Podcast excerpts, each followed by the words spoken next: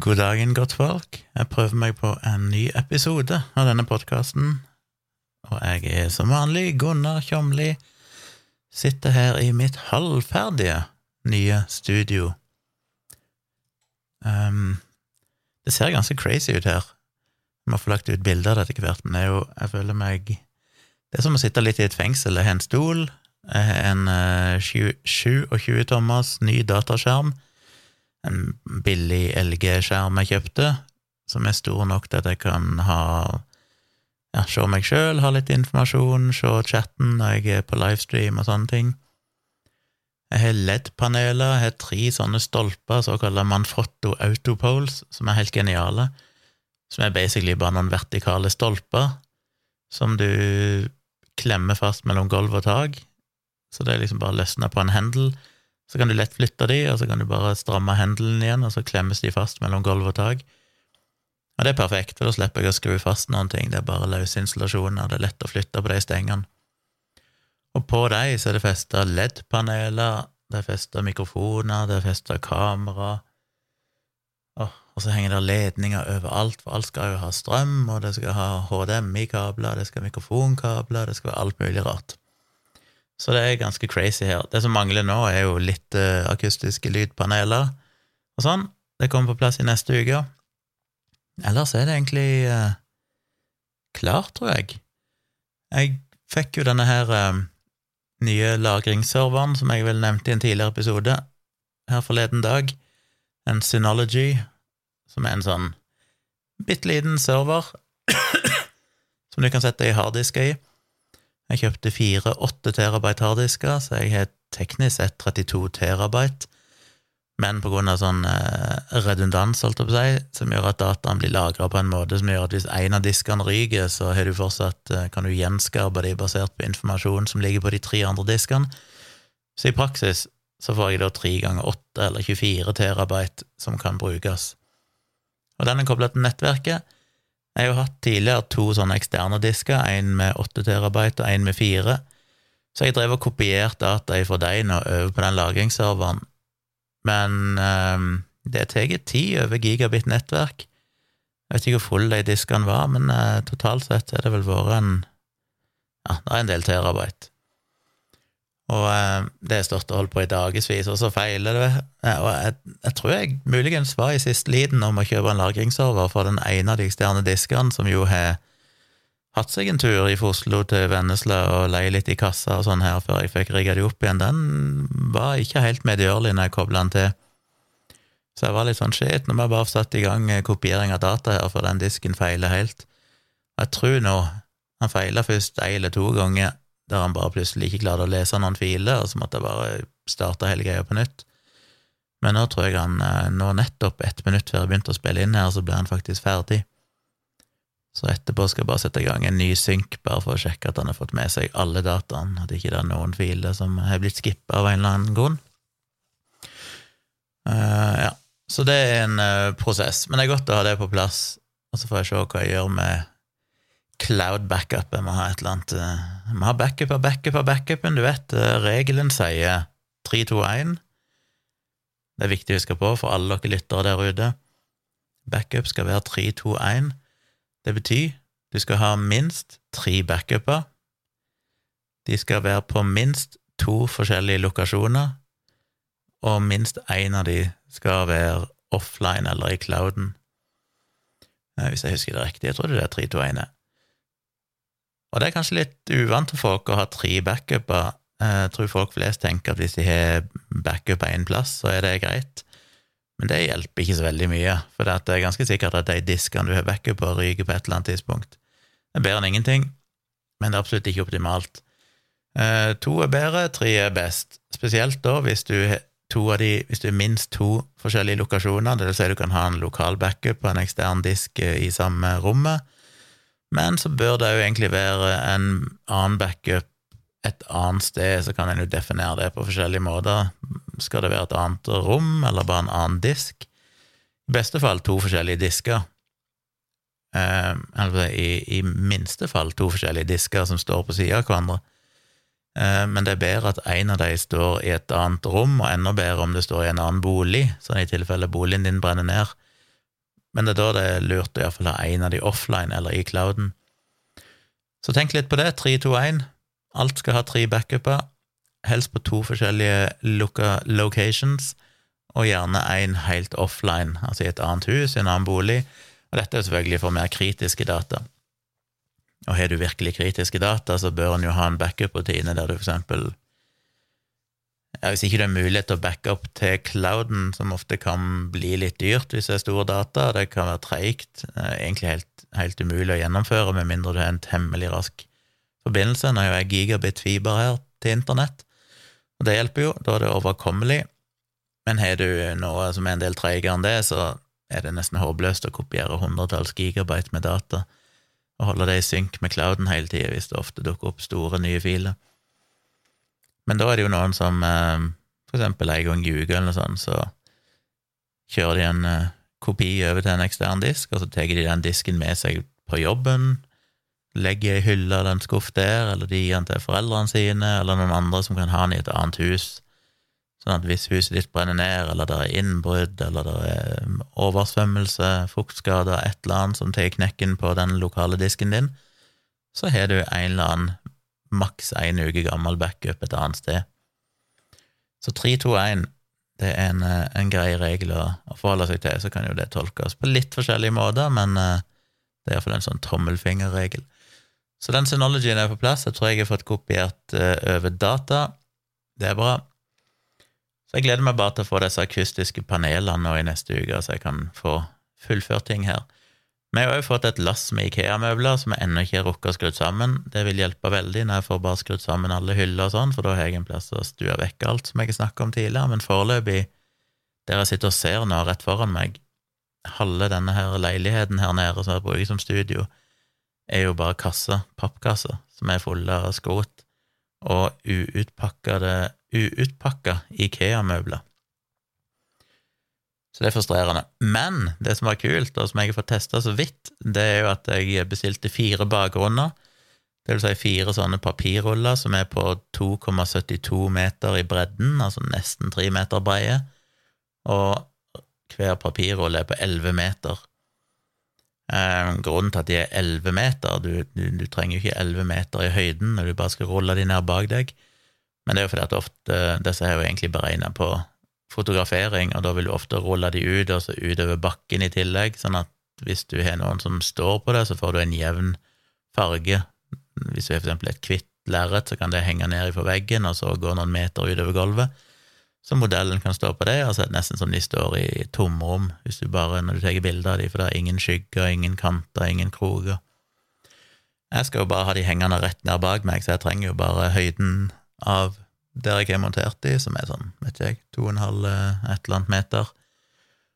Og jeg trenger jo ikke de elleve meterne, men fordelen med elleve meter det er jo det at hvis jeg får en rift i et lerret eller noe sånt, så kan jeg bare rulle det ned og klippe det av, og så er jeg en del å ta av før jeg eventuelt må kjøpe nye en gang i framtida.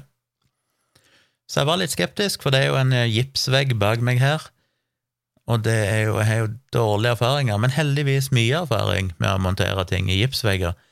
I den leiligheten i Oslo så var det veldig dårlig kvalitet på gipsveggene. Det var ganske mm, råtten gips. Så når du prøvde å skru i sånne gipsskruer, så hadde de en tendens til å bare gipsen bare smuldre opp, og det var helt ubrukelig. Så der skulle jeg henge opp de akustiske panelene, som er litt sånn tunge, på veggen i det gamle studioet mitt på kontoret mitt i Oslo, så prøvde jeg forskjellige ting, og til slutt så fant jeg noen sånne, ja, sånne litt avanserte plugger, alt jeg på å si, sånne metallskruer, eh, eller ja, det er skruer, og så er det de hylser rundt skruer, så du banker den hylsa inn i veggen, og så setter du i skruer, og etter hvert som du strammer skruer, så knekker på en måte den hylsa på baksida av gipsplata og bretter seg ut, sånn at den blir en sånn mothake på begge sidene. Og da sitter de for så vidt som støpt. Så jeg var borte på den lokale monterbutikken her på Vennesla, der de er veldig hyggelige, og sto og kikka og kikka på Det finnes jo mange forskjellige typer gipsplugger, og de skal tåle forskjellig vekt. Her er det jo Jeg husker ikke om jeg har sagt dette før, jeg, men eh, dere får bære over med meg. Men hver rull veier seks kilo, det er fire ruller, det er 24 kilo, og de metallfestene som de henger på, veier jo sikkert et par kilo hver. Pluss at jeg skal dra litt i de, jeg må dra for å rulle de opp og ned, og da påfører jeg jo litt ekstra eh, vekt nedover. Så de må jo tåle en del. Men eh, nå fikk jeg skrudd de opp, og det var litt sånn krevende. Jeg gjorde det aleine. Å få målt opp og sørge for at alt ble rett, og at lengden ble korrekt. Jeg har aldri jobba med sånne papirruller før, så jeg hadde jo noen sånne, bestilte jo sånne fester til de som basically er en sånn 20-30 cm lang plugg som du stikker inn i midten av rullen på hver side, for inn i midten av papirrullen så er det jo en sånn hard papprull, akkurat som en, ja, i en dorull, bare mye stivere papp inn i midten. Så stikker du en sånn plugg inn i hver side og skrur til en skrue på midten, sånn at han utvider seg og liksom presser seg fast inni det hullet. Og så monterer du på en måte det som stikker ut, det setter du på sånne knagger eller sånn fester. Og så er det, henger det med en sånn kjetting, holdt jeg på å og et tannhjul som gjør at du kan rulle de opp og ned. Men det var nytt for meg, og jeg var liksom usikker på hvordan det der funka. Det var ikke noen bruksanvisning, så jeg måtte finne ut av det. Det var så relativt selvforklarende, men jeg var sånn usikker på hvordan jeg skulle måle det opp. Hvor lang avstand må det være mellom festene? Hvor mye skal de her pluggene stikke ut på hver side av papirrollen? Men det ordna seg, jeg var ganske stolt av meg sjøl. Det endte opp med å se helt perfekt ut, og de henger som støpt, virker det foreløpig.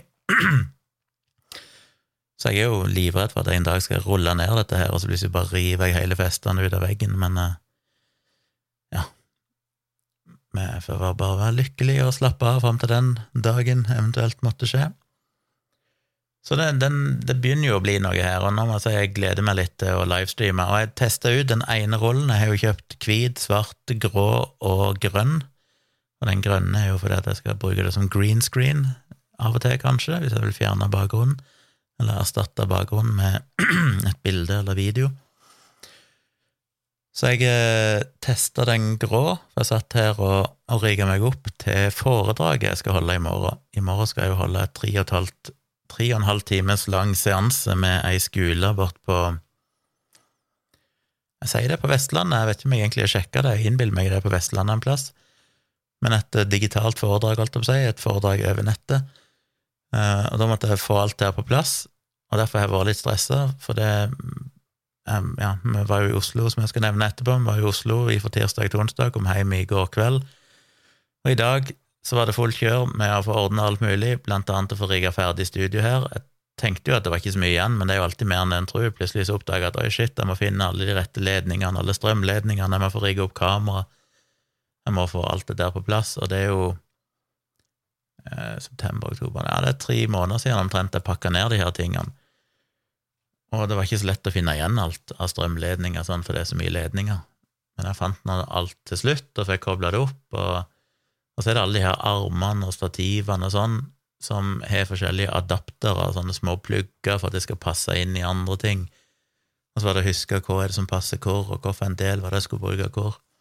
Men alt det kom på plass, og jeg satte meg ned her, fyrte opp eh, livestream-programmet mitt, starta opp kameraet, og det så ganske så nydelig ut. Det var skikkelig deilig å ha en sånn ha en helt nøytral, jevn, grå bakgrunn. Det så rett og slett ganske proft ut. Så det som mangler her nå, er at dette studioet her må funke for to personer. Nå har jeg jo bare den For de som har sett livestreamene mine, så har denne trauste Ikea-stolen, denne grå eh, lenestolen, ganske massive. Og den er fin å ha hvis jeg sitter aleine, men jeg skal jo bruke dette til å spille inn podkast, og da har vi jo blant annet Virkelig grusomt-podkasten, som jeg og Tone har sammen. Da må vi kunne sitte to personer her. Så det er mulig jeg må dumpe denne Ikea-stolen, eh, selv om den er veldig behagelig og deilig å sitte i. Og så skal jeg se om jeg kan få kjøpt meg to litt mindre stoler, så det går an å ha to på sida av hverandre. Og så må jeg ha to sånne små bord som jeg kan feste mikrofonene i. Men når det er på plass, da, da begynner det å Begynner å høne seg til, som de sier i Sirdal. Men alt er iallfall på plass til én person her nå, sånn at jeg kan uh, kjøre en livestream ved neste anledning, og det blir vel tirsdag kveld, regner jeg med. Fordi i kveld, altså fredag kveld, så pleier jo meg og Tone ha en sånn ærlig talt livestream. Det får vi ikke gjort, fordi jeg reiser til Oslo i morgen. Men uh, på tirsdag, da jeg både hjemme, og forhåpentligvis jeg får til en eller annen løsning her, så det går an å sitte to personer og livestreame. Så det er jo bra. Så det nærmer seg, og jeg syns det er ganske gøy med å si. Det ser ganske Det er liksom sånn at selvfølgelig kan en gjøre det enkelt, selvfølgelig kan jeg sitte og livestreame med webcam i en laptop eh, og bruke den innebygde mikrofonen i laptopen, men eh, skal jeg først gjøre det, så skal det se proft ut, så da har jeg jo plutselig masse lys, og jeg har stativer og proft kamera og proffe mikrofoner, det har gått eh, ganske mange tusenlapper i dette utstyret, og som jeg nevnte tidligere, alle sånne stativ og armer for å feste ting er sjokkerende dyre. Du skal ha en liten arm på som du kan feste og stramme, så koster den plutselig 1500 kroner for en liten metallbit, og så må jeg plutselig ha liksom seks av de. Det er liksom Ja, shit, det er dyrt, men det er jo ting som i utgangspunktet skal vare i mange år, det er jo solide ting, og det er veldig, veldig fint å ha ting som funker, og som faktisk er proft. Det er jo ting jeg tenker på å bytte ut etter hvert. Kanskje de LED-panelene burde vært byttet ut med noen skikkelig sånne softboxer for å få enda litt bedre lys og sånn, men, men det er ikke noe som haster. Det får vi se på. Men jeg skal som sagt ha denne, dette foredraget slash workshop i morgen. Og Det blir spennende, for det skal skje via Zoom. Så jeg er litt sånn nervøs for det å kjøre foredraget mitt over Zoom. Det har jeg ikke gjort før. Jeg må liksom dele desktopen min og vise en sånn keynote-presentasjon og meg sjøl og snakke og håpe at det går an å spille av alle og vise bilder og videoer. Det skal være en 35-40, har jeg skjønt, lærere ved denne Jeg tror det er en yrkesfaglig et eller annet videregående utdanning. Men det er jo en hel gjeng, det er jo omtrent 40 lærere som skal se på, så de skal sitte i sin ende med et kamera og et ja, jeg tror de skal ha et lerret og en prosjektor der de ser meg. Så jeg får se hvordan det funker. Jeg håper jo de har godt bilde, sånn at de der optiske illusjonene og sånn fungerer. Så det var nå greit nok. Jeg, jeg, vet ikke med det foredraget. Det blir jo bare lenger og lenger. Jeg lagde jo et foredrag opprinnelig basert på håndbok i krisemaksimering, altså den boken min som kom ut for noen år siden. Men så begynner jo eksempler der å bli litt sånn daterte, så jeg er oppdaterte nå med blant annet et eksempel fra vaksinedebatten i covid og sånn. Men så er det ting, så er det vanskelig å fjerne ting, for det er sånn ja, men jeg må jo si noe om dette òg, og jeg må jo si noe om dette òg.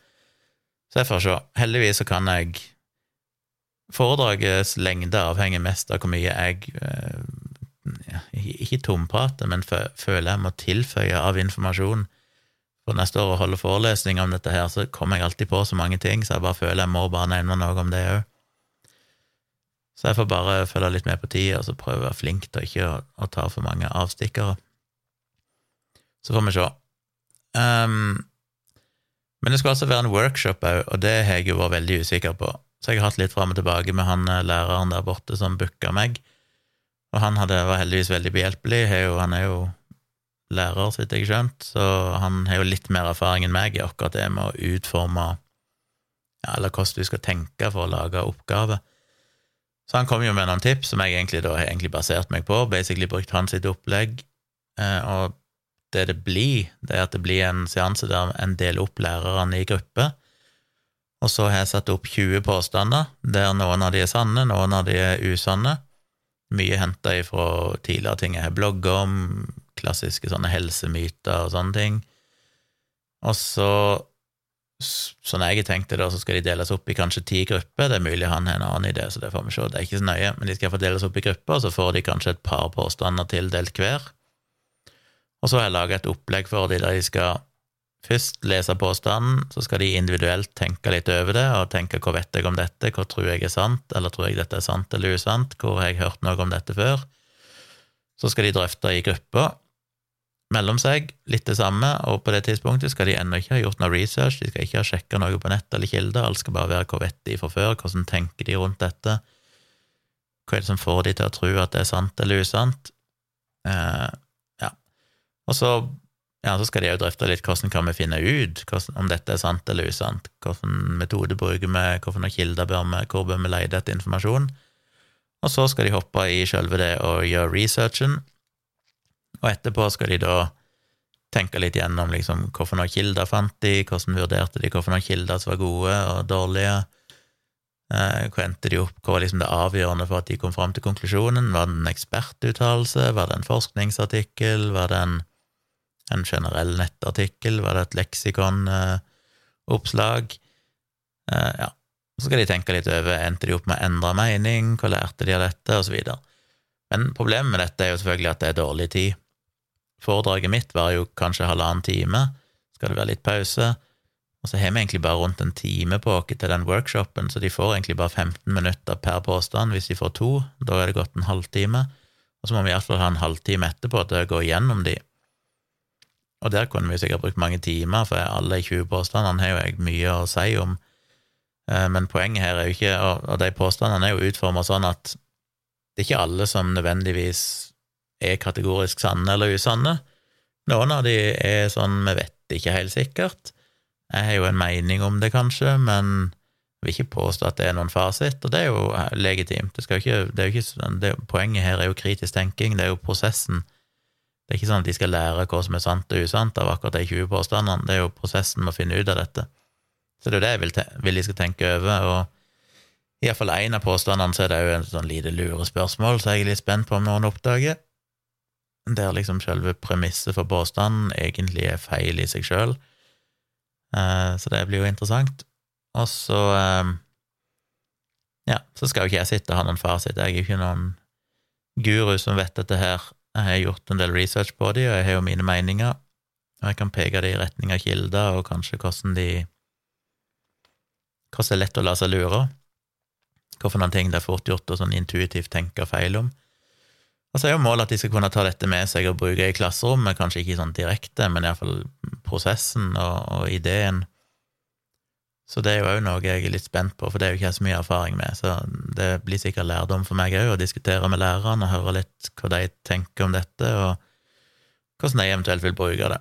Og på slutten så må vi òg ha en halvtime, og dette gliver litt over i hverandre, men det skal jo være litt sånn Ja, vi må ha litt sånn mer filosofisk diskusjon på slutten omkring hvordan en skal gjøre dette med kritisk tenking i skolen ja, litt fokus på dette med prosessen, da. Det med å være kritisk til eksperter, kritisk til forskning, kritisk til kilder, alt dette her. Fordi, som han oppdragsgiveren min skrev til meg, så har de jo Altså, de har jo en del fokus på kritisk tenking i skolen, i, i den forstand at de skal være kritiske til kilder, som på mange skoler stort sett eh, koker ned til ikke stol på det du leser på Wikipedia, som jo er veldig misforstått.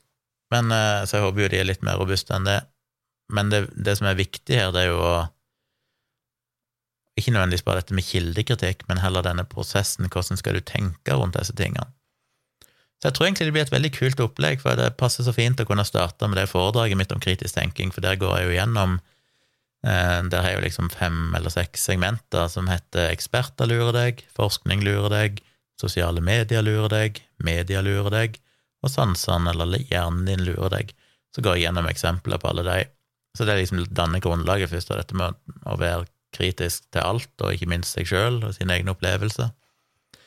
Og så etter det da, så blir det workshop og drøfting og sånne ting. Så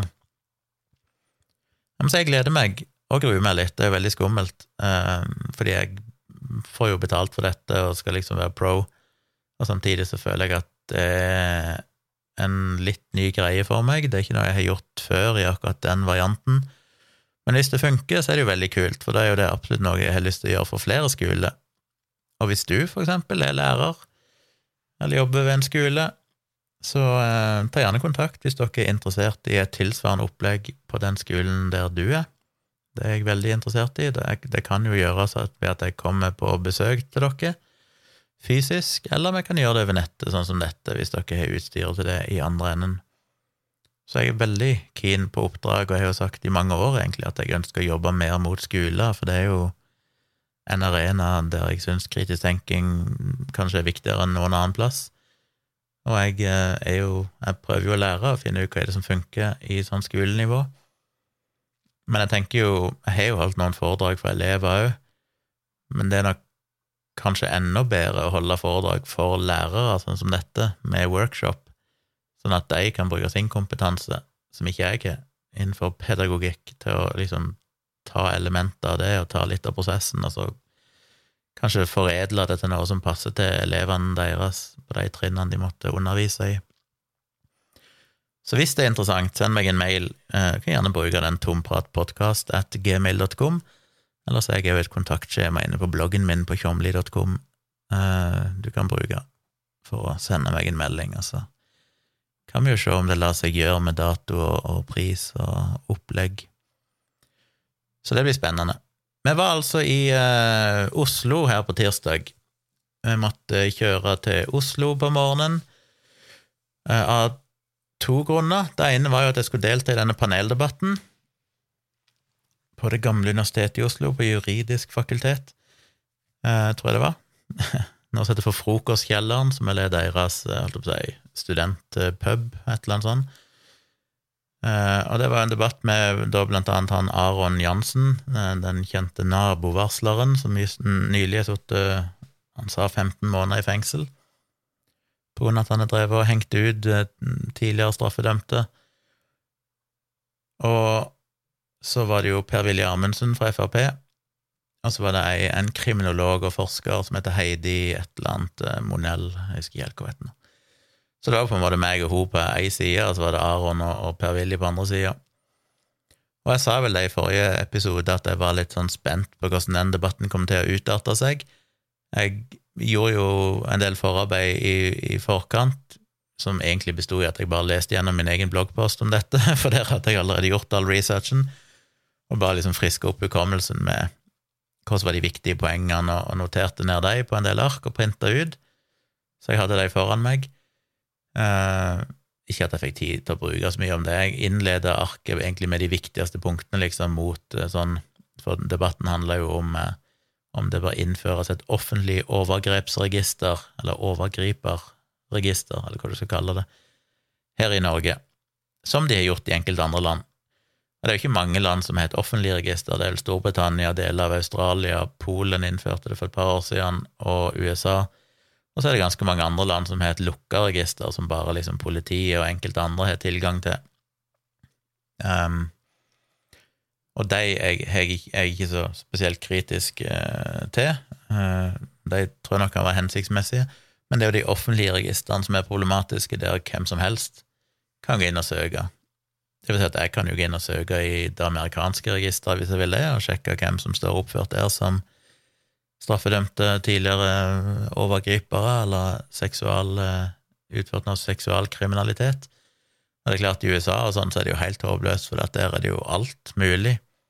Det er ikke bare snakk om folk som har voldtatt liksom små barn, det er jo snakk om den, eh, den 19 år gamle gutten, holdt jeg på å si, som har hatt sex med sin 17 år gamle kjæreste i en stat der det er 18 års grense for seksuell lavalder, og så blir de stående i det registeret som alle kan søke de opp og sånn. Som basically gjør at de neppe får seg noe jobb, de får ikke noe sted å bo, de mister familie og venner. Alt det der sulamitten som er så problematisk med det.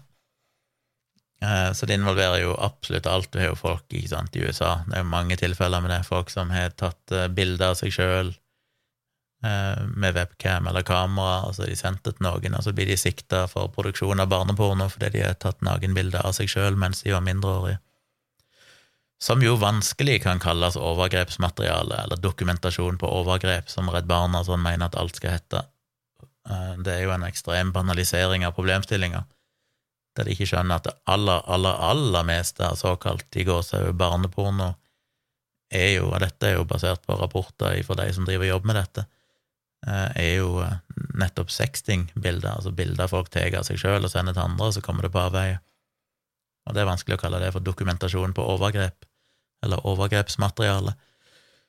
Men, eh, men det kan jo da ende opp, hvis du gjør det, så kan du jo bli dømt for å ha produsert barneporno fordi du tok bilde av deg sjøl seksualisert når du var under 18 år, og havne i et sånt overgrepsregister. Og det er jo mildt sagt problematisk.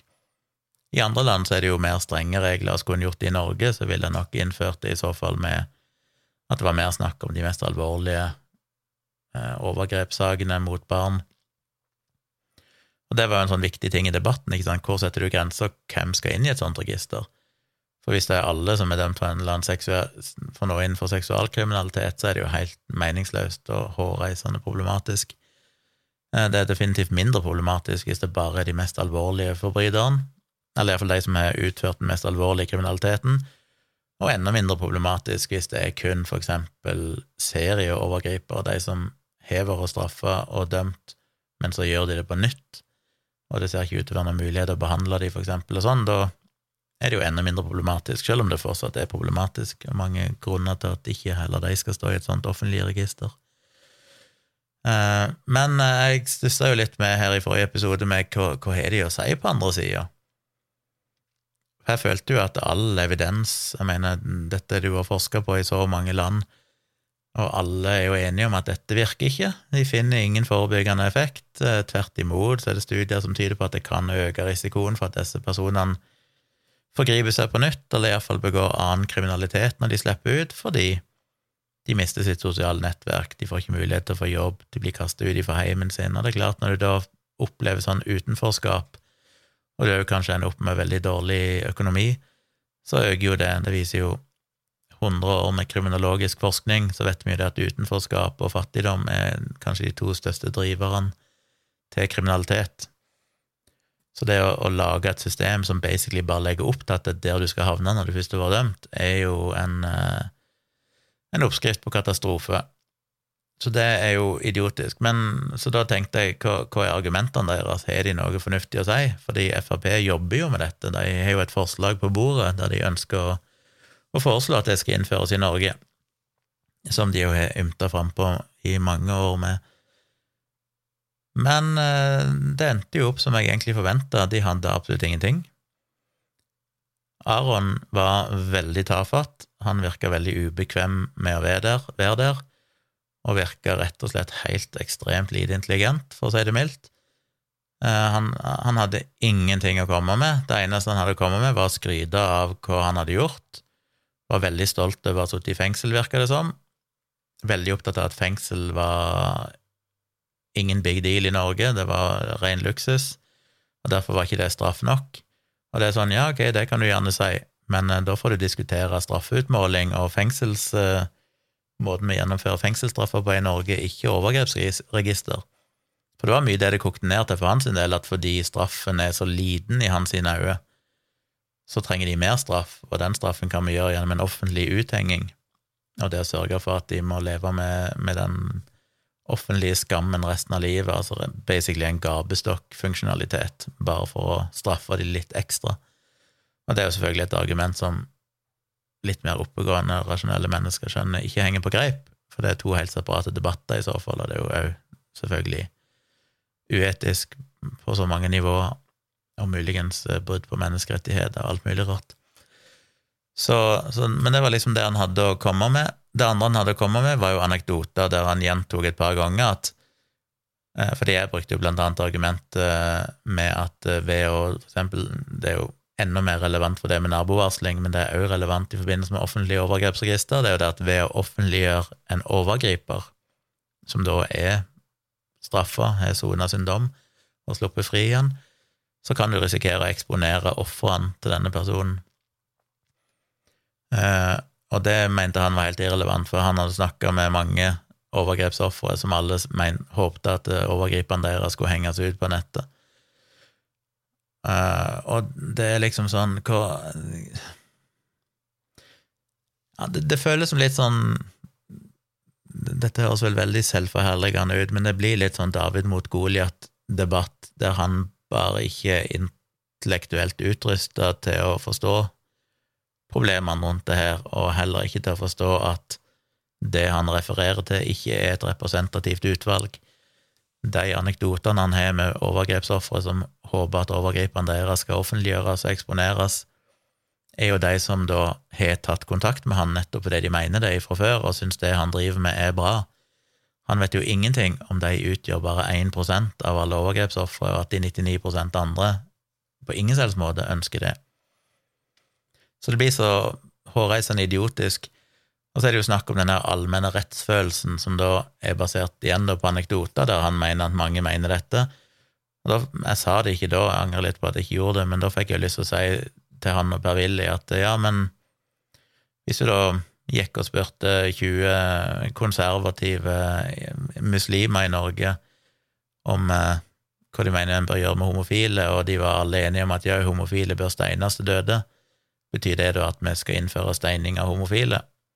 Og det er jo egentlig sånn de argumenterer, fordi de personene de tilfeldigvis er spurt, som allerede har samme mening som de, bekrefter det de ønsker å tro, så bør det innføres som en allmenngyldig lov i landet. Så det er helt sjokkerende idiotisk. Og så er det jo Per-Willy, da, som tross alt fremstår som mer oppegående enn Aron, som jo ikke skal ha veldig mye til, for å si det mildt. Eh, han klarer iallfall å ordlegge seg sammenhengende, men han Jeg mener Jeg har fordommer mot Frp og Frp-politikk, men jeg har aldri noensinne fått det så bekrefta som i den debatten der, for det var bare alle klisjeene. Det er bare dette her med å være harde mot de harde. Eh, sånne kriminelle er blitt behandla med silkehansker, bla, bla, bla, og venstresida er alltid så opptatt av, av gjerningspersonen og bryr seg ikke om ofrene, og hvorfor i all verden skal vi behandle kriminelle, bry oss om hvordan de blir behandla? Det var liksom alle de klassiske Frp, eh, idiotiske greiene, der jeg måtte prøve å forklare en gang på gang at hele poenget med å behandle de som er straffa og er sona ferdig på en human måte, er jo nettopp for å beskytte barn. Det er jo nettopp fordi vi ønsker å gjøre alt vi kan for at de ikke skal begå overgrep på nytt. Mens det han legger opp til, er altså at de skal få plasseres akkurat i de omstendighetene som vi vet fører til ny kriminalitet. Og det klarer ikke han å Jeg vet ikke om han ikke skjønner det, eller om han bare ikke vil skjønne det, fordi at han lever jo av å føre en politikk som er i strid med det. Han er jo på en måte avhengig av at eh, folk svelger den der ideen om at sånne folk fortjener ingenting, de bør jo helst lynsjes og kastreres og tortureres og døde, og den straffen de får, er ikke hard nok, og de fortjener ingenting godt, og vi skal ikke ha sympati med dem. Den ideen om at jo mer du straffer folk, jo mindre sjanse er det for at de begår ny kriminalitet. Som igjen, som jeg snakket om i en tidligere episode, vi har mye, mye forskning på over 40-50 år som viser at det stemmer ikke, det funker ikke. Fengselsstraff er ikke avskrekkende, og det er ikke fordi at fengslene er holdt på å si, så humane som de er i Norge.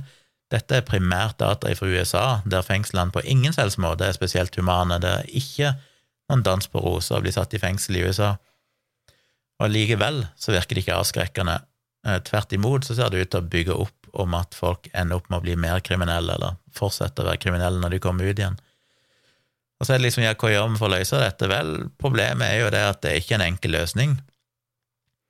Men det vi vet, er at det som driver kriminalitet, som sagt, er, er fattigdom og utenforskap, blant annet. Og derfor så risikoen for å bli utsatt for seksuelle overgrep øker jo veldig mye hvis inntekta i en husholdning er lavere enn en viss mengde, en viss størrelse.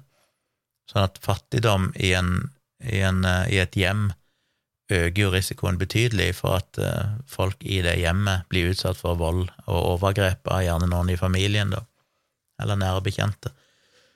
Uh, og så er det jo psykiatri, og så er det rus og alt dette her, og det er jo så fascinerende da at Frp er det partiet som vil liberalisere alkoholpolitikk og alt dette her, og så vil de samtidig ha mer overvåking, logging av IP-adresser, de vil ha strengere straffer. Altså, de vil gjøre alt i motsatt ende. De vil legge til rette for mest mulig kriminalitet, og gjøre alt det vi vet gjennom all kriminologisk forskning, føre til mer kriminalitet. Men så vil de på en måte løse det problemet i andre enden ved å straffe hardere, overvåke mer, fjerne rettigheter. Og det er altså så provoserende. Og så bruker han den der argumentasjonen med at liksom venstresida på en måte ikke bryr seg. Når hele poenget er at jo, vi har jo akkurat det samme målet, det er bare at vi forholder oss faktisk til forskning og det vi vet fungerer, ikke lettvinte, populistiske løsninger som bare appellerer til de dummeste i befolkningen, som ikke klarer å tenke lenger enn bare hevn og hat. For de vil jo selvfølgelig at ja, vi skal kastrere Jeg mener, hadde Frp kommet med forslag om at folk som hadde forgrepet seg på barn, skulle henges opp på et kors utenfor rådhuset i den enkelte by, så hadde de fått mange tilhengere og stemmer som sa at ja, det ønsker vi. Jeg, og liksom den ideen om Jeg sa jo det til han rett ut, jeg, sa, jeg, jeg angrep han jo med det med populisme, og sa det at eh, jeg ønsker virkelig ikke at vi har et land der lovverket skal være basert på folkeopinionen fordi det er riktignok sannsynlig, jeg vet ikke hvordan det er i Norge, men i USA, i studier som er gjort i USA, så finner en ofte at det er en overvekt av mennesker som er tilhengere av sånn offentlig overgrepsregister, sjøl om de får informasjon om at det ikke virker. fordi at det ikke virker, har ingen relevans for dem. Fordi at det bare føles som at de trenger å straffe disse folkene mer. Så det er bare Jeg sa jo det jo rett ut her, at jeg følte det var en ganske håpløs debatt vi hadde, fordi at når du debatterer med folk som bare ikke bryr seg om forskning, så er det litt sånn, hva skal en gjøre da? Og når jeg og hun Heidi var samstemt i at hvis vi gikk gjennom forskningen og så på han, så viser den at dette ikke virker, så svarer jo Per-Willy med at ja, men forskning er vanskelig, og det de finner ofte det de vil finne, du kan ikke stole på det, og bla, bla, bla. Og så begynte han òg med uh, Dette var så komplekst, for det er jo alltid for de som uh, ja, uh, ja, Jeg husker ikke hvilke eksempler han brukte, men det var litt samme poenget som jeg hadde, med at det er et vidt spekter ifra de, de milde seksual kriminaliteten, som ikke er sånn ja, typisk eh, to med litt liten aldersforskjell som ender opp med å ha sex med hverandre, som kanskje til og med er kjæreste, alt dette her, til liksom grove voldtekter av barn, småbarn. Eh, og derfor så kunne du ikke stole på forskningen, for du visste ikke helt hva de så på, og det var helt umulig å vite. Og da måtte jeg jo si til han at hvis du faktisk hadde tatt deg bryet til å lese forskningen, så står jo disse tingene veldig nøye definert i hver enkelt studie, der står det jo, og disse studiene har forska på forskjellige ting. Noen har sett på hvor mange som ender opp med å gjenta nye seksualforbrytelser, andre har sett på hvor mange som ender opp med å gjenta en hvilken som helst type forbrytelse etterpå. Noen har fulgt eh, straffedømte før og etter så lovene ble innført, noen har bare sett på generelle trender i befolkningen. Altså Det er jo analysert fra alle vinkler, men det står jo i studiene. Men Per-Willy har jo neppe noensinne lest en eneste forskningsrapport om temaet, og samtidig så sitter han og skryter av at ja, nå driver de og utreder dette og jobber med å finne ut bla, bla, bla. Så sånn, ja, men hvis dere utreder det, så må dere vel se på forskningen. Men det er de ikke interessert i. De er Der handler det jo bare om å finne ting som de håper mange nok dumme mennesker syns høres kult ut, fordi de ikke er i stand til å, å tenke konsekvenser, ikke sant, å tenke litt mer nyansert og prøve å, å, tenke rasjonelt rundt ting som kanskje strider mot intuisjonen eller magefølelsen. Men ja. Så det var Jeg vet ikke. Jeg, det var en, en, meningsløs debatt på mange måter. Heldigvis var det jo noen som kom opp til meg etterpå og liksom sa sånn ah, 'Takk for at du var med i debatten, fordi du var en nødvendig stemme i den debatten og sånn. Eh, og det setter jeg jo selvfølgelig veldig pris på å høre. Eh, I starten, på et tidlig tidspunkt der, så klikka jeg jo nesten litt på Per-Willy. Jeg, jeg, kom med en tirade der jeg brukte det poenget om at vi hadde jo samme mål alle sammen, og det var å redusere antall overgrep mot barn, men, men noen av oss skjønner det at det, nettopp derfor så må du behandle tidligere straffedømte humant og alt det der, og gi dem størst mulighet til å komme tilbake igjen i yrkeslivet og, og, få et sosialt nettverk og alt det der, for det er jo det som reduserer risikoen for at de blir kriminelle på nytt. Eh, og så etterpå så følte jeg meg så rød i trynet. Jeg tenkte bare Jesus, nå ser sikkert alle at jeg er knallrød i trynet, for det kokte jo bare innvendig. Ikke av sinne, men av engasjement. Jeg ble liksom så oppjaga bare følte jeg hadde så mye på hjertet at jeg visste ikke hvordan jeg skulle få sagt alt fort nok. Men jeg spurte Tone, og og en av mine livestream-følgere, som kaller seg for Eremitten i livestreamer, han møtte opp. Det var superhyggelig. Fikk hilst på han, og etter debatten så gikk vi ut og satte jeg på et, et utested og tok et glass vin og fikk prata en, en, time eller to etterpå. Superhyggelig. Men jeg spurte iallfall deg om de hadde sett det ble rød i trynet, og de sa at de hadde ikke sett det, så det er sikkert sånn du bare føler at du er det, men ikke nødvendigvis er det i praksis. Men jeg ble ganske oppjaga, og kriminologen hun var jo veldig stille. Og jeg, jeg, var litt sånn redd at hun bare syntes jeg var en skikkelig idiot fordi at jeg var så engasjert og bare kjørte på og ble provosert av Per-Willy og Aron. og ja, altså En annen ting med Aron Jeg, jeg sa jo dette her òg med at gjentagelsesfaren for uh, folk som er dømt for seksuelle overgrep mot barn, er veldig liten. Og det er jo så typisk Frp å påstå at den er veldig høy. Og da kom jo han med nei, det var feil, og så så han i et notat, og så sa han nei, den er faktisk 37% Og da er det jo sånn Hva skal han si til det?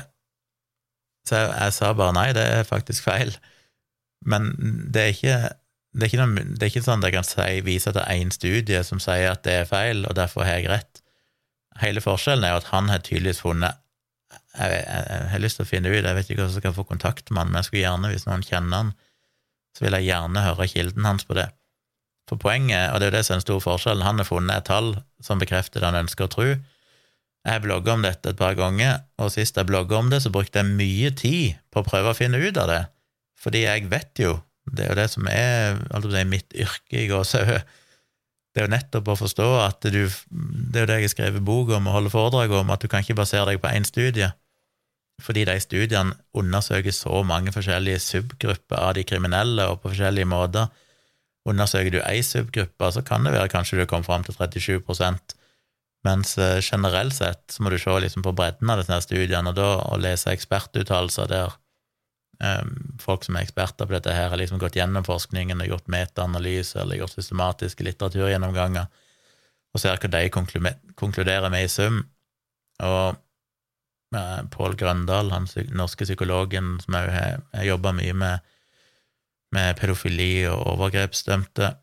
Han jo, hadde jo en egen eh, debattinnlegg i Aftenposten her for ikke så altfor lenge siden, der han òg påpekte at folk må slutte å tro det med at det er så høy gjentakelsesfare, for den er faktisk veldig låg, og lavere enn for annen type kriminalitet, inklusiv voldtekt, for eksempel. Så hvis en først var så ufattelig redd for uh, at disse personene skal begå overgrep på nytt, er det jo rart at ikke de samme folkene roper etter et tilsvarende register for voldtektsdømte og sånne ting, for der er det jo mye større sjanse for at de faktisk ender opp med å gjenta kriminaliteten på nytt. Og så er det jo det poenget, jeg husker ikke om jeg nevnte det i forrige episode, med at over 90% eller sånn av overgrep blir begått av noen i familie eller nær omgangskrets, og da er det jo sånn, hva er poenget med et overgrepsregister, da? Hvis noen i familien din har begått overgrep, så er det ganske sikkert at du vet om det, du trenger ikke å søke den personen opp på internett for å finne ut av det. Pluss at gjentakelsesfaren hos folk som forgriper seg på noen i egen familie, er òg den laveste av alle. Det er faktisk høyere gjentakelsesfare hvis hvis du forgriper deg på noen tilfeldige eller ukjente. Så det er liksom, når det da utgjør de aller, aller fleste, og gjentakelsesfaren er så låg, så, så faller det jo på sin urimelighet at et sånt register skal være nyttig. Jeg håper jo bare at hvis NRK kaster fram dette Nei, NRK, Frp Jeez. Frp kaster fram dette forslaget i, i, Stortinget på et eller annet fremtidig tidspunkt, at uh, ja, Det er jo da jeg håper at politikere faktisk leser bloggposten min. For jeg skjønner jo at politikere ofte ikke har tid og mulighet til å sette seg inn i forskningen, men jeg håper jo da at en sånn bloggpost som det jeg har skrevet, kan, kan påvirke dem, at de finner den, at de ja, Noen burde printe den ut og gi alle så de kan lese gjennom det og sette seg inn i hva forskningen faktisk viser. Men jeg håper jo da at de faktisk snakker med kriminologer folk som kan noe om dette. Eh, det gjør de vel forhåpentligvis, og da får de samme svarene som det jeg har skrevet om, at dette her faktisk ikke funker, og det er faktisk sterkt problematisk på så mange måter. Jeg blir alltid så redd når jeg skal komme med et forslag, så blir jeg sånn redd at andre partier skal la seg rive med, for det er en sånn ting der det er ikke nødvendigvis så populært å være den som på en måte skal ta parti med overgrepsstemte, og få folk til å forstå at ja, men det er faktisk til det beste nettopp for å forhindre overgrep. Men det var vel nok om debatten. Um, men da vi skulle kjøre Vi kjørte jo bil til Oslo på tirsdag morgen, og på mandagen Vi har jo ikke fått installert lader her i, i huset ennå, billader, så jeg er jo avhengig av offentlige ladere. Så jeg hadde jo lada litt tidligere, og så hadde jeg kjørt noen dager, og så hadde jeg ganske lite batteri igjen, men jeg tenkte at jeg har nok nå til at jeg i morgen så kan vi kjøre til Lillesand, en sånn Circle K eh, litt før Lillesand, der de har Tesla superchargere. Og det er bare en halvtimes kjøring, det ja, Jeg vet ikke hvor langt det er. Eh, men da vi kom ut på morgenen, så hadde jo batteriet sunket ganske mye både på grunn av at det var kaldt, og fordi bilen trekker strøm når den står stille òg, for den holder jo ting i gang. Så hvis vi skulle kjøre til Lillesand, så beregna jo kjøredatamaskinen at det ville være 1% batteri igjen, og det er for så vidt greit nok, holdt jeg på å si, for han er ganske presis, så hvis han sier det er 1 igjen, så er det 1 igjen. Men for å klare det, så måtte du òg holde deg under 75 km i timen, og det er vel iallfall 100, om ikke 110, på motorveien der, og da føles det kanskje litt dumt å komme krypende i, i maks 75 km i timen. Så jeg sa til Tone at vi må bare kjøre til en annen ladestasjon, en av sånne her treige ladestasjonene og bare lade litt, så vi har litt mer å gå på for å komme oss til Lillesand. Så visste jeg at det var noen sånne MER, sånn heter det merket, MER, som er en sånn ladeselskap som har ladere overalt. De har noen ladere borte på Vennesla videregående skole, som ligger rett borti hogget her. Og Der hadde jeg lada en gang tidligere, på en søndag, like etter vi flytta her. Da var det bare å kjøre inn på en parkeringsplass ut forbi skolen der, og der sto det tre-fire ladere. Og det er sånne 22 kilowatt-ladere, så de er ikke spesielt raske, men det fins treigere ladere enn det òg. Så vi kjørte bort der, og der var det stengt, for da var det tydelig at mens det er skole, for dette var jo på en tirsdag morgen og det var skole, så er tydeligvis eh, parkeringsplassen lukka kun for ansatte, så det var en bom som var tatt ned, så der kom jeg ikke inn. Så tenkte jeg fuck, da, vi får finne neste, så jeg åpna den Mer-appen, den viser jo hvor de, hvor de har laderen, og da sa han at jo, ved Vennesla stadion, et par kilometer lenger borte, så var det noen ladere. Så da kjørte vi der, men der var det ingen ladere. Fantes ikke. Eh, Virka som de hadde bygd noen ny parkeringsplass og et eller annet sånt der, så jeg sikkert raserte alt, og det var ikke noen ladere der, iallfall. Da begynte jeg å, å, svette litt, for da hadde vi ikke mange kilometer igjen på batteriet, og jeg tenkte jeg må komme meg til Oslo, for jeg skulle være med på denne paneldebatten, skulle rekke den. Så vi måtte bare leide opp neste ladere, som var enda noen kilometer lenger borte, ved en bensinstasjon. Så tenkte vi fuck, hvis ikke disse laderne er der, så er jeg fucked, for da rekker jeg ikke til neste lader. Så vi kjørte bort der, og der var det heldigvis to ladere. Og så kobler jeg meg til den ene, og på de laderne så står det en sånn kode, tallkode, for eksempel 3571. Så du kan da enten sende en SMS med elbilstart, altså 3521, og da vil han automatisk starte ladinga på den, eller du kan bruke appen, så bare sier du at du skal inn på lader nummer 3521, og så starter du det i appen. Så jeg gjorde det i appen, men ingenting skjedde. Jeg starta liksom aldri å lade. Så tenkte jeg fuck det, så stoppa jeg det, avbrøt det, og så plugga jeg ut og inn i en ting og prøvde på nytt, samme. Og så tenkte jeg jeg får prøve den andre laderen, da. Så jeg plugga meg over på den andre laderen, brukte koden på den, som var 3572 eller noe sånt, starta opp, akkurat samme problem, lada ikke. Og da ble jeg forbanna tenkte sånn fuck, nå er vi så fucked.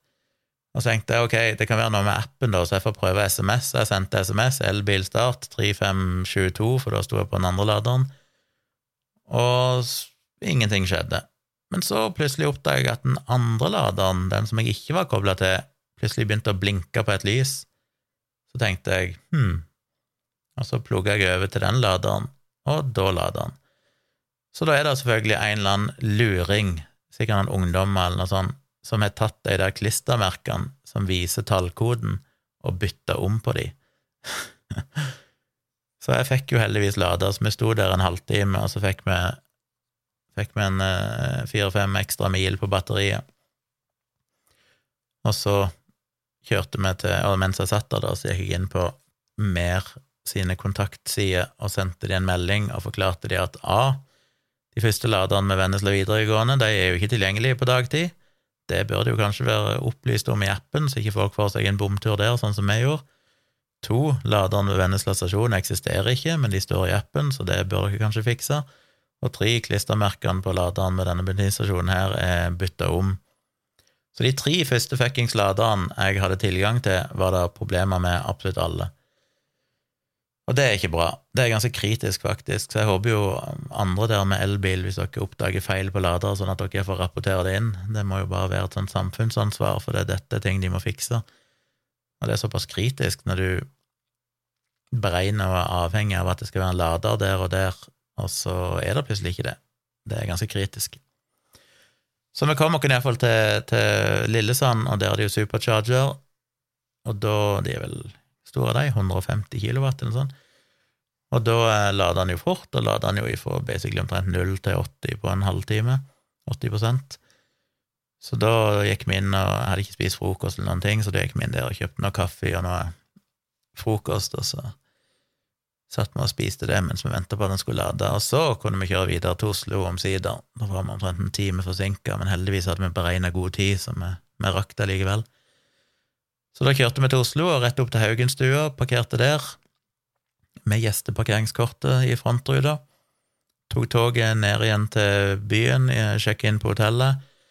Fikk så vidt bare kasta fra oss bagasjen og sånn, og så var det å gå ned til gamle universitetet i Karl Johan der og møte opp på foredrag. Så vi rakk det liksom akkurat.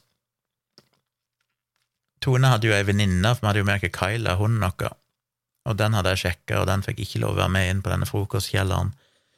Men heldigvis har Tone ei eh, en ganske ny venninne som hun har blitt kjent med i Oslo, ikke så lenge før vi flytta derifra. Og hun likte jo Kyla så godt, hun hadde møtt henne før, så hun spurte hun om hun kunne tenke seg å bare være litt barnevakt og gå litt tur med Kyla i en times tid mens vi var inne på paneldebatten.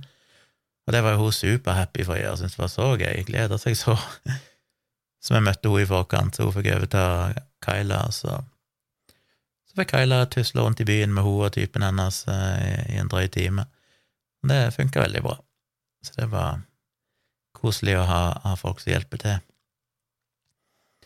Um, hadde du noe mer å si om det? Nei, ikke annet enn at uh, i dag, det vil si torsdag, så skulle elektrikeren komme for å installere blant annet billader her og alt mulig. Han dukka jo aldri opp. Selv om han var her på befaring for ei uke siden og vi gikk gjennom alt som skulle gjøres, og avtalte tid og sånn. Så jeg sendte melding og sa jeg ikke sett noe til dere, og så fikk jeg melding et par timer seinere med ah, beklager, de hadde noe sykdom og sånn, så de rakk det ikke. Som er jo veldig uprofesjonelt, da, at de bare ikke møter opp når du har en avtale og ikke sier ifra i forkant. Men om de kunne komme i neste uke istedenfor, og jeg blir sånn åh, ja, uh. Selvfølgelig akkurat den dagen de sa de kunne komme, så er ikke jeg her, og jeg er ikke her dagen etterpå heller. Så jeg spurte om de kunne komme dagen før, for dette haster litt, vi trenger en fuckings billader, jeg er ganske handikappa, må drive og planlegge. Eh, I kveld så var jeg jo i en sånn utviklingssamtale med dattera mi og mor hennes på skolen der hun går, og da var det jo sånn Jeg eh, hadde ganske mye strøm på batteriet, for da vi kjørte hjem fra Oslo på onsdag, så stoppa vi òg ved Lillesand, for jeg tenkte det er best å bare benytte anledningen her til å lade opp batteriet som er mest mulig. Eh, så jeg hadde ganske mye strøm, men, men det var vel sånn halvtomt. Så da jeg kjørte ned der, så fant jeg ut at de hadde en sånn 50 kW-lader ut forbi Vågsbygd senter, eller Vågsbygd Amfi, eller hva dette er, sånn kjø kjøpesenter. Eh, så der parkerte jeg og kobla til den, og så sto han og lada der mens jeg var på utviklingssamtale, og det var veldig kjekt. Det er 50 kW det er ganske kjapt å lade. Så det var ganske effektivt. Eh, da vi var i Oslo dagen etterpå, på onsdagen, dagen etter paneldebatten, så måtte vi opp tidlig på morgenen til den gamle leiligheten vår og møte vaskefirmaet som skulle vaske ut. Og de møtte heldigvis opp. Um, en del forsinka, riktignok, men de kom nå iallfall. De hadde kjørt litt feil og sånn. Og så fikk jeg satt dem i gang med vasking, og så hadde, var jo egentlig planen at vi skulle vente til de var ferdige, og så hente nøkkelen, og så kjøre hjem. Men ble vi egentlig enige om at de kunne bare ha nøkkelen, og så kunne de bruke så lang tid de ville. Eh, vi har jo avtalt en pris uansett. Og så, når jeg skal inn i morgen, så bare sender jeg han en melding, og så avtaler jeg å få nøkkelen tilbake igjen på i morgen. Det blir mest sannsynlig på lørdag. Og så er det jo overtagelse av boligen på lørdag, da skal jeg møte de som har kjøpt leiligheten, og det syns jeg er dritskummelt, for det Tone skal ikke være med, så jeg må møte de alene. Og jeg er så redd at når vi går gjennom, at de begynner å påpeke ting, at 'å, hører du et eller annet', og så må jeg stå der og svare for det. Men jeg får bare krysse fingrene og håpe det går bra. Pengene er på konto. Ikke vår konto, da, men meglers oppgjørskonto. De kan jo selvfølgelig holde tilbake betaling hvis de skulle være misfornøyd med noe, men jeg kan ikke tenke meg at det skulle være noe. Det er bare jeg er alltid så overnervøs for sånne ting, at de skal finne et eller annet å pirke på. Um, ja, så jeg skal til Oslo i helge, og grunnen til det Jeg skal som sagt ha det foredraget i morgen, og så klokka seks er det vel, så går det en buss fra Kristiansand til Oslo, så jeg hopper på den. Kommer fram ganske seint da, og på lørdag så skal jeg jo være gjest i podkast. Ja, det begynner jeg på å sende han en mail og sjekke at det fortsatt eh, Ikke han har glemt det, jeg har ikke hørt noe ifra han, og det er en stund siden vi avtalte det. Skal være gjest i en podkast klokka tolv. Dekodet heter den podkasten. Det blir jo spennende. Snakke litt om kritisk tenking. Og så etter det så må jeg rette opp til leiligheten, altså det er overtagelse av boligen. Og så etter det så er det ned igjen til Brasseri Hansken og så ta restaurantbilder der. Og etter det så er jeg sikkert ganske utslitt. Det pleier å være etter å ha tatt bilder, for da er det jo å traske rundt og eh, stresse. Eh, og så skal jeg chille på kvelden, og så tar jeg bussen hjem på søndag. Så det blir en Oslo-tur. Det, det, blir kjekt uh, med en Oslo-tur og fotografering og podkastgjest, og alt det der er veldig gøy. Men akkurat nå merker jeg at jeg egentlig har mest lyst til å bli ferdig med, med huset her. Det er litt frustrerende at det har skjedd så mye, at vi var vekke tirsdag til onsdag, og jeg er vekke i helg igjen nå. Og det er så mye Ikea-møbler som skal skrus sammen og sånn, men men det blir neste uke. Det er bare å fortsette. Dette tar jo et evighetsprosjekt, men uh, neste uke så burde jo endelig ting være på plass.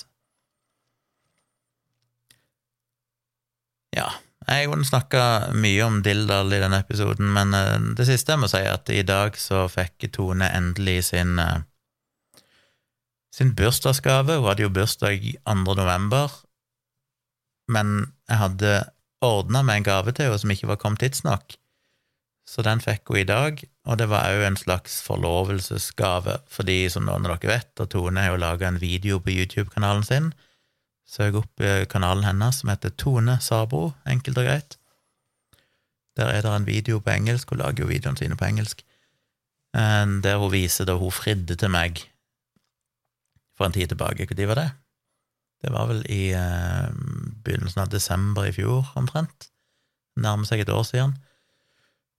Fordi vi har jo alltid snakket om at vi ønsker å Vi, vi, vi har ikke noe tro på ekteskapet, og syns at hele poenget med å fri er jo at du på en måte sier at jeg ønsker å tilbringe livet med deg. Selvfølgelig med alle forbehold om at aldri noen vet hva framtid bringer, men i utgangspunktet så er det liksom Jeg er så glad i deg at jeg ønsker å Det er deg jeg vil satse på. Og selve ekteskapet er jo bare den statlige formaliteten, holdt jeg si, eller bryllupet. Så ingen av oss syns at bryllup er noe stas, vi har jo begge vært gift før, men eh, det er jo liksom forlovelsen som er det symbolsk viktige. Så hun overraska meg jo med å ha designa et sånt smykke til meg, eh, og så gikk hun ned på kne, rett og slett, og fridde til meg. Jeg må innrømme at jeg jeg, jeg skjønte vel egentlig aldri helt hva som skjedde. Hun hadde jo rigga opp et kamera i smug som filma hele seansen, så det la hun ut på YouTube med i en video, redigert versjon. Og jeg ser sikkert ganske teit ut, for jeg, jeg, trodde først det var litt sånn kødd, liksom. Jeg, gikk ikke helt opp for meg hva som egentlig skjedde. Men iallfall. Så hun fridde på en måte meg, og jeg fikk det smykket av henne. Eh, men så måtte jo jeg kjøpe noe til henne. Eller jeg måtte ikke, eh, det var liksom ikke det som var meninga. Men hun hadde en, en, ganske fin diamantring som hun rett og slett klarte å miste for noen måneder siden. Og det var en stor sorg for henne, for den betydde mye for henne. Og så har hun liksom sagt at hun egentlig vil ha en ny, og så bla, bla, bla, og så skjønte jeg etter hvert at jeg bør jo egentlig kjøpe en, en sånn eh, tilsvarende diamantring til henne.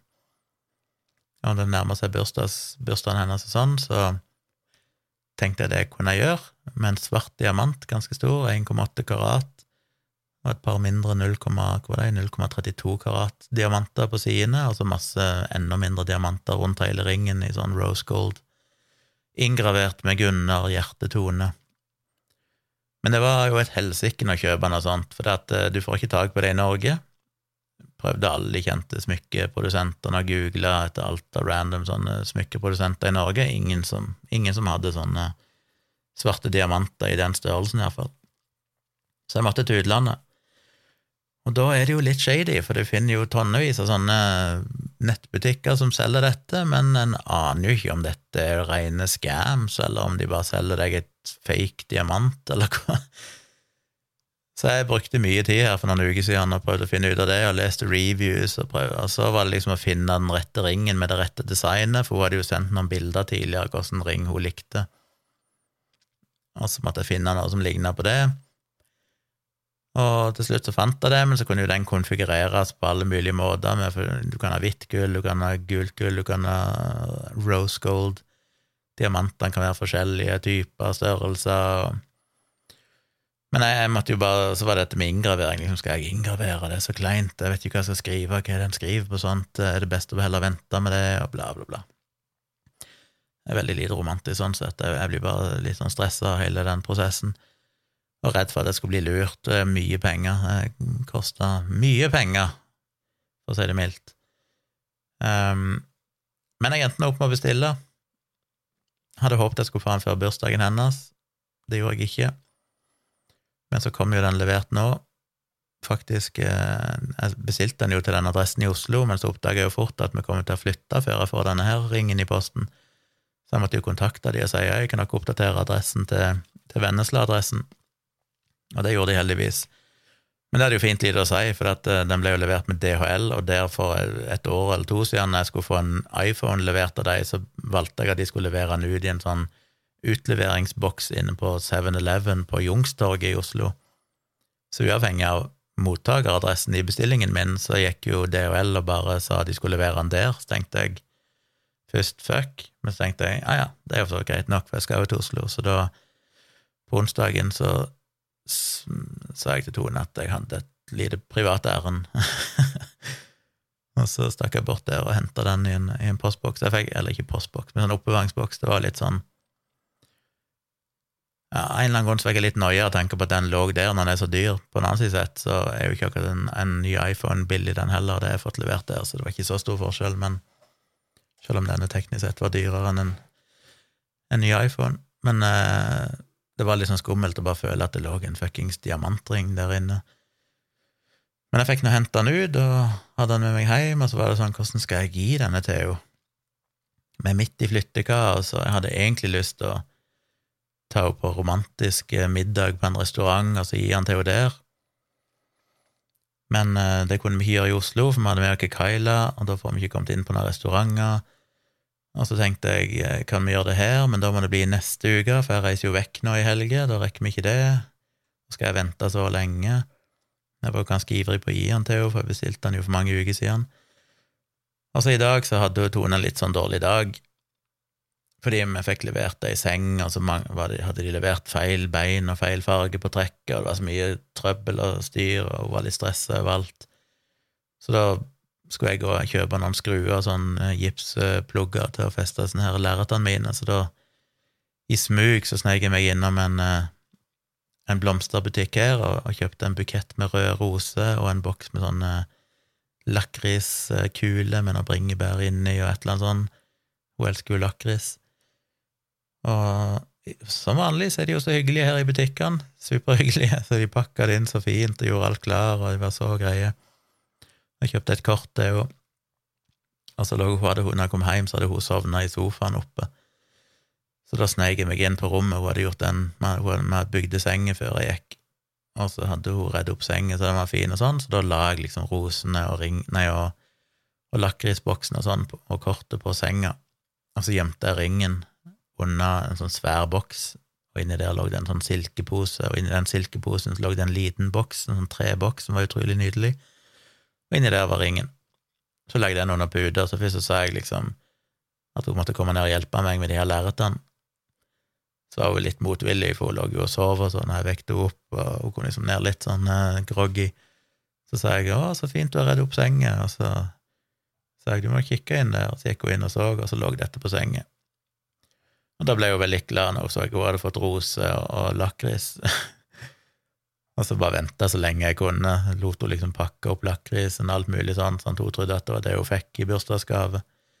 Som jo hadde vært litt stusslig. Jeg har ikke spurt henne etterpå men om hun var skuffa, da, for det er sånn Kommer liksom med ja, ti dager etter bursdagen og skal liksom endelig gi henne gave, og så er det en, en bukett med roser og en lakrisboks. Det kunne jeg jo kjøpt henne på, på bursdagen hennes òg. Men etter hun hadde pakka det ut, så sa jeg forresten, eh, det ligger nok noe mer under puta. Og så fikk hun ringen. Og hun var heldigvis veldig fornøyd, jeg var så nervøs for at jeg hadde kjøpt noe som var feil type, at ikke han skulle passe, alt mulig sånn, men han passa perfekt, og hun syntes han var dritfin. og Alt var stas, så da har vi på en måte begge gitt hverandre en slags eh, forlovelsesgreie. Da er vi kanskje offisielt forlova. Er det det som må til? Vet ikke. Kanskje. Helt på tampen så må jeg jo bare si at jeg leste den siste rapporten fra ukesrapporten fra Folkehelseinstituttet, og det er jo veldig høy smitte nå, en reproduksjonstall på 1,3. Så jeg vil jo bare minne folk på hvordan dette hadde sett ut hvis vi ikke hadde hatt så høy vaksinasjonsdekning som vi heldigvis er. Men det, folk har jo fortsatt en idé om at det er ikke noe vits i å vaksinere seg, fordi vaksinerte blir jo smitta, de òg. Da er det jo bare verdt å Jeg skal ikke gå inn i detaljer om den rapporten, dere kan lese den sjøl, men jeg vil jo bare nevne da at de skriver jo der at det er fire ganger høyere andel uvaksinerte som er smitta nå enn vaksinerte. Så eh, det burde være ganske utvilsomt at, hvis ikke, ja, at det er lurt å være vaksinert.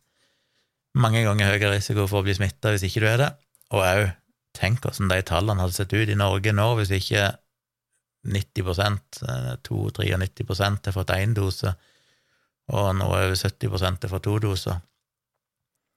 Når du tenker på at uh, det er fire ganger flere, eller fire ganger høyere andel av de uvaksinerte som blir smitta enn de vaksinerte. Tenk deg da når de fleste i Norge nå er vaksinert, hvis du hadde da ganga de tallene mange ganger, da vært en ganske heftig Altså, den bølgen her er jo enormt kraftig. Jeg husker på de tidligere bølgene var jo når vi fortsatt var uvaksinerte, primært. Og nå er tallene så mye høyere mens vi stort sett er vaksinerte, så kan en jo tenke seg hvordan det hadde sett ut hvis ikke en var vaksinert i Norge.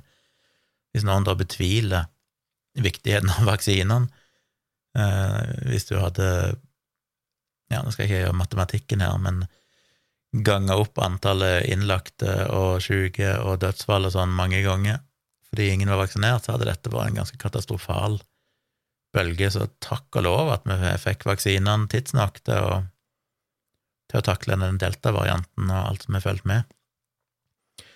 Ja, så er det selvfølgelig et problem at vaksinene ikke nødvendigvis varer så mye lenger enn 28-9 eh, måneder.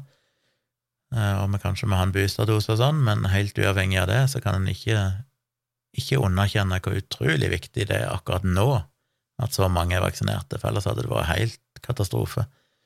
Og så får vi heller ta problemet med en tredje dose etter hvert.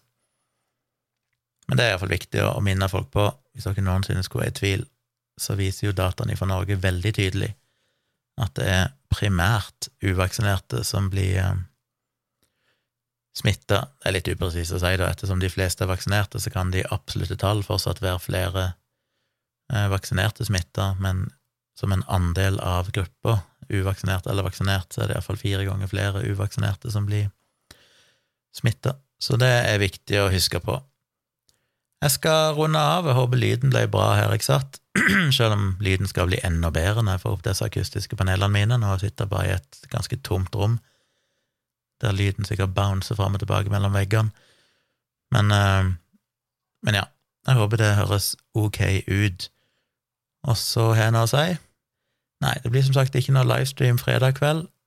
Um, det kommer en ny episode av Virkelig grusomt på mandag, hvis ikke jeg uh, Ja, jeg kommer jo hjem på ettermiddagen på søndag, så da rekker vi vel å få spilt inn denne episoden på kvelden, så den kommer ut på mandag. Og så håper jeg dere vil joine meg på tirsdag kveld, da seint på kvelden, kanskje klokka elleve på kvelden, til min eh, tomprat live, som jeg kjører her på tirsdagskveldene, og får sjekke ut mitt nye oppsett, nytt studio. Det håper jeg jo dere har lyst til å, å få med dere. Så da, hvis ikke et eller annet helt kritisk skjer, så satser jeg virkelig på at jeg er tilbake med en, en ordinær livestream i noenlunde normale omgivelser. Eller av den kvalitet som jeg håper det skal være, ønsker det skal være. På tirsdag det tror jeg var alle beskjedene jeg har å gi, så takk for at du hørte på så langt. Um, rate and review, er det ikke det de sier? Abonner for all del på podkasten min. Hvis, ikke dere, hvis dere bare hører sporadisk, så gå inn i podkastappen og trykk abonner, så dere får alle nye episoder. Og tips gjerne andre om podkasten hvis dere syns det er noe interessant å høre på. Og så um, håper jeg jeg overlever dette foredraget i morgen. Det skal være godt når det er ferdig, selv om jeg gleder meg til å gjøre det så er det alltid sånn når jeg er ferdig med en sånn ting som har stått foran meg i, i, noen uker, så er det alltid en sånn lettelse etterpå å tenke sånn åh, nå er det bare frihet fram til neste forpliktelse. Ja, anyway, takk for at du hørte på. Vi høres igjen om noen dager.